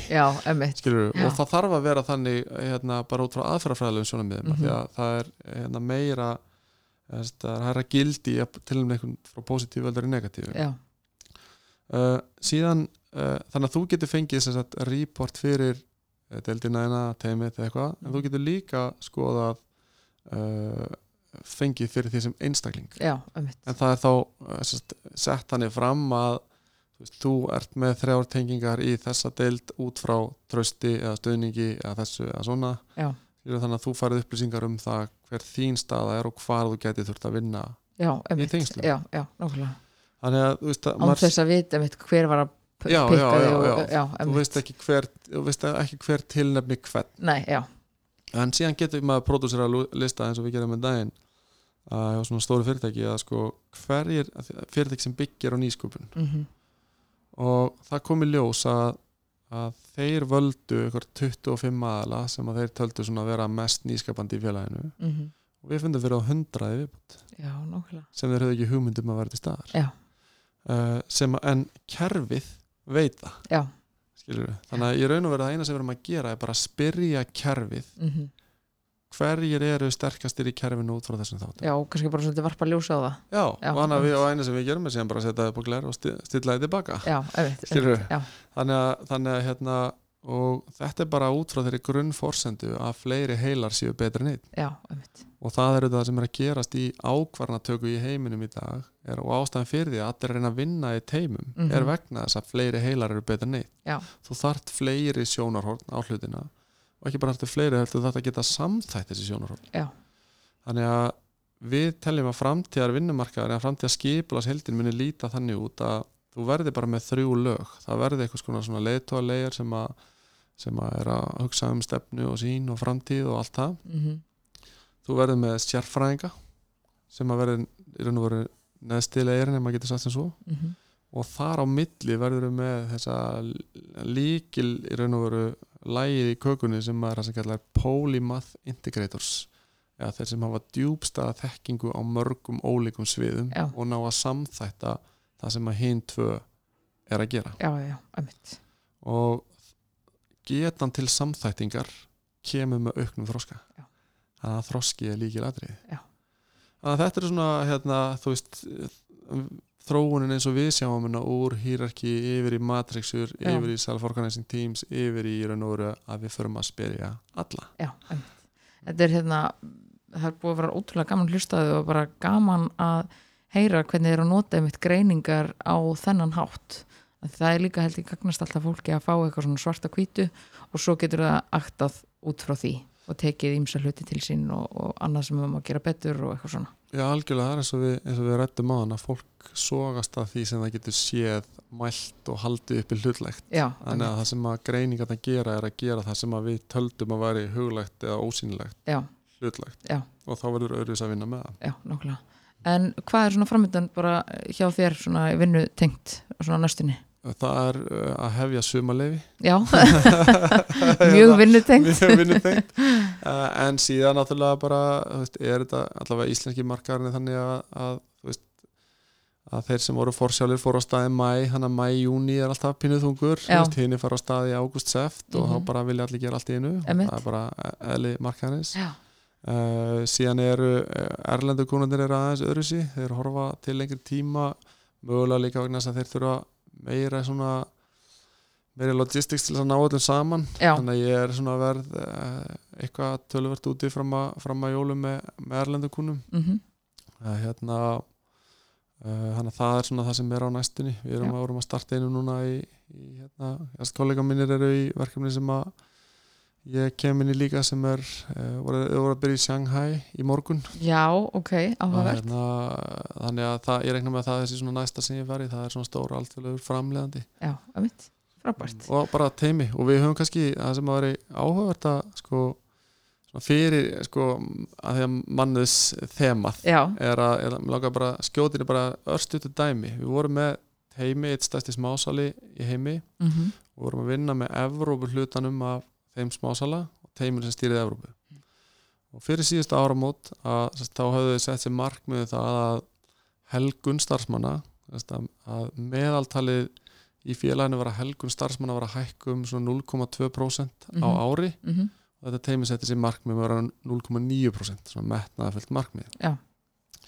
Við fórum með þeim í, hérna, í teim bara, þetta, þetta held að séu 11 í stjórnateiminu fyrir Evrópu, bara með þeim, engum öðrum. mhm Svo rétt fyrir síðustu jól þá fengum við tilbaka niðurstöðu þriðjaðala úr helgunar hérna, mælingum. Mhm, og í ljós kom að meðaltalið félagi var 0,2% en Evrópa var 16%. Já, ok. Þannig að þau höfðu með því að breyta sínum háttum massíft aukið helgun starfmanna. Vá, það er magnað. Það er, býsna, það er rosalega magna Já, en þá náttúrulega kemur viðskipta fólki og segir, býtum við, og, og hvað? Já, ok, helgun upp 16% frábært hvað því það er í tölum? Mhm, þannig að við byrjum alltaf spennt yfir áramótin eftir að fá hérna, uppgjörið í, í februar já. Og í ljós kom að, að sagt uh, heildarvelta hjá þeim hafi nokkurn veginn staðið í stað en hagnaður hafi fjórfaldast. Vá, sem var um, langt umfram hagnað allra annara deilda, Sölu- annara já, heims ömmit skilur við hjá félaginu. Vá, þetta er ekkert smárið. Og þau segja, veist, þetta er á grundöldu þess sem við vorum að vinna. Já, þannig að það er komið og menn vita þetta, það er tenging við helgun og framistuðu en þannig er síðan komin tenging við beinara peninga. Já, þannig að það eru mjög margar góðar ástæði fyrir því að reyna að leggja vinnu í hvernig fólk vinnur saman Já, á vinnustanum algjörlega. Þetta er allavega mjög gott dæmi sem sýnir, það hvað þið eru að gera góða hluti. Við erum að vonast til þess að geta gefið þetta út sem svona case study síðar á Já, að hérna, voru gaman að ef við, náum að græja það. Já, nákvæmlega. En svona fyrir íslenska markaðin, Já. hvað er hægt að, að nálgast þig og bara þína vinnu? Já, sem sagt, við ætlum að plugga núna? Já, Nei, ég, ég, hérna, ég sem sagt, eh, er með síðu sem heitir samstilla.is fyrir, fyrir íslenska hlutan af, að félaginu sem heitir Complete Coherence það er svona hægt að finna það þjála nafn, maður er alltaf hvað er það, gestur að það. Þannig að ég setti upp svona íslenska síðu eftir því sem að hérna, það var meira að gera hérna á Íslandi. Þannig að það var þetta nálgast mig þar Já. og hérna sendi fyrir spurnið eitthvað. Og svo er ég náttúrulega bara á þessum miðlum LinkedIn og Facebook og öllu þessu dóti. Algjörlega, hérna, ef, að, ef að er eitthvað sem þú tengdi við þá bara pingaði mig, það er, ég er bara gaman að því. Algjörlega. Við varst allavega hérna í skoðaði síðuna, þína og, og hérna, við hún bara mjög áhugavert. Bara Já, mikið af skemmtilegum og, og hérna flottum upplýsingum. Já, takk, það er svona, þú veist eitt af það sem að þarf að sinna en finnst ekki mjög skemmtilegt. Já, en það tókst ekki nú þessu saman. Nákvæmlega, herðu, en það var alveg geggja að hafa þig Ótrúlega gaman að heyra hvað þið og hérna, þú ert búin að vera að gera og bara hlagt til að fylgst með þér Takk sömulegis og takk fyrir búið, það var ótrúlega gaman að spjalla